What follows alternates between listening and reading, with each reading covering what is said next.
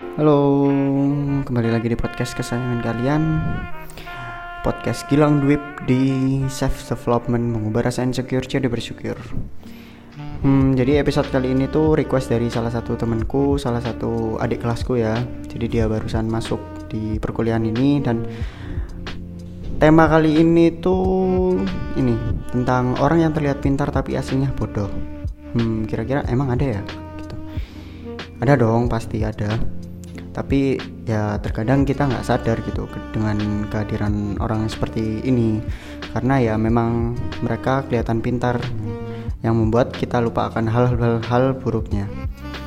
Hmm, sebagai manusia ya kita itu makhluk sosial yang harus bersosialisasi dengan banyak macam orang dengan karakter yang berbeda dan tingkat kecerdasan yang berbeda. Ada beragam tipe manusia di bumi ini namun ada tingkat tiga tipe orang yang mungkin menarik buat diperhatiin ya. Hmm, jadi yang pertama tuh orang pintar tapi nggak kelihatan pinternya. Nah orang yang pinter yang kelihatan tuh ya udah biasa lah ya. Namun ada loh orang yang pintar tapi nggak kelihatan pinternya gitu. Jadi di hari-harinya tuh baik di lingkungan pergaulan maupun lingkungan kerja dia tuh sama sekali nggak kelihatan pinter gitu malah-malah dia tuh nyebelin banget bahkan sampai nggak disukain oleh temannya gitu. Atau enggak uh, atau bahkan nggak dilirik karena nggak terlihat pinter gitu. Ciri-cirinya sih biasanya kalau ngomong nggak terkesan inteleknya gitu. Sifat dan kebiasaannya pun nggak memungkinkan dia cerdas gitu. Tipe manusia ini biasanya nggak pandai membawakan dirinya. Akhirnya nilainya turun dari yang semestinya ada keinginan agar orang mengakui kepintarannya tapi dianya tuh nggak punya cukup kemampuan buat memperlihatkan itu. Nah itu tipe orang yang pinter tapi nggak kelihatan pinternya. Terus yang kedua kedua itu orang biasa namun terlihat pintar. Nah, kalau tipe ini sih adalah tipe orang yang banyak mendapat keberuntungan dalam hidupnya. Secara akademis sih mungkin biasa aja, tapi dalam pergaulan sangat ahli membawakan diri, berbicara cerdas dan nguasain topik pembicaraan yang baik. Dan tipe orang kayak gini tuh memiliki kemampuan komunikasi yang bisa ngeyakinin secara intelektual kelihatan mengagumkan. Tapi tipe orang ini biasanya menyadari kalau dia tuh biasa-biasa aja. Tapi dia juga menyadari kalau dia tuh bisa pinter dan dia tuh tahu caranya gitu. Oke, dan yang terakhir tuh ini yang sedang kita bahas. orang bodoh yang merasa pintar, orang bodoh yang terlihat bodoh itu udah biasa gitu kan ya. Tapi beda lagi nih, banyak orang yang secara akademis tuh termasuk bodoh, hmm, tapi pengen banget dianggap pintar gitu. Nah, di sini dia tuh mencoba berkomunikasi kayak orang-orang pintar gitu deh tapi ya pada akhirnya ya orang yang dengerin tuh jadi geli-geli gimana gitu karena ya kalimat yang diucapin tuh justru ngebuat dia makin terlihat bodoh gitu. Karena yang ada di pikirannya hanya lebih berupaya terlihat pintar ketimbang berupaya menambah kepintaran. Nah gitu. Oke sekarang kita bahas ini aja ya. E, orang bodoh yang merasa pintar gitu. Beberapa orang di sekitarmu yang merasa dirinya pintar tapi aslinya bodoh gitu ya. Dan beberapa dari kita mungkin nggak menyadari hal itu. Tapi ada kok cara mudah mengenali orang-orang yang kayak gini tuh. Ada. Jadi tipe orang kayak gini tuh biasanya suka ngerasa dirinya tuh paling bener. Alih-alih ingin merasa pintar eh malah nggak ngasih temennya kesempatan buat berpendapat atau bahkan uh, sebuah obrolan uh, for your information aja ya orang cerdas dapat melihat dan ngemahamin berbagai macam hal dari sudut pandang yang berbeda sehingga memiliki pemikiran yang terbuka nah tapi kalau orang bodoh nih akan terus berdebat serta memperhatikan lawan bicaranya yang jelas lebih pintar darinya. Hal ini ya disebabkan karena orang bodoh memiliki estimasi yang berlebihan yang dikenal dengan efek Dunning-Kruger.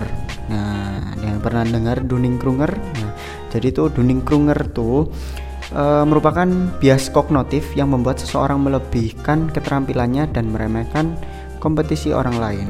Nah, itu. Terus yang kedua tuh ciri-cirinya tuh ya mengabaikan kebutuhan dan perasaan orang lain gitu. Menurut penelitian Russell James dari Texas Tech Texas Tech University orang dengan IQ yang lebih tinggi akan cenderung memberi tanpa mengharapkan imbalan. Hal, hal ini tuh wajar terjadi karena ya orang pintar memiliki kemampuan yang lebih baik dalam menilai kebutuhan orang lain. Beda dengan orang bodoh, mereka akan mengharapkan timbal balik ketika memberi sesuatu. Nah, terus yang ketiga, agresif ketika ada konflik. As we know kan orang cerdas tuh biasanya uh, bisa marah kan, tapi mereka tuh akan bereaksi sama segala sesuatu yang tidak sesuai dengan keinginan mereka gitu. Nah, saat orang bodoh berada di sebuah konflik, mereka akan bereaksi terhadap segala sesuatu yang tidak uh, sesuai dengan keinginan mereka. Ya, karena mereka tidak dapat mengendalikan sesuatu hmm, sesuai dengan keinginan mereka gitu, hmm, sehingga mereka cenderung menggunakan emosi dan agresif. Roar.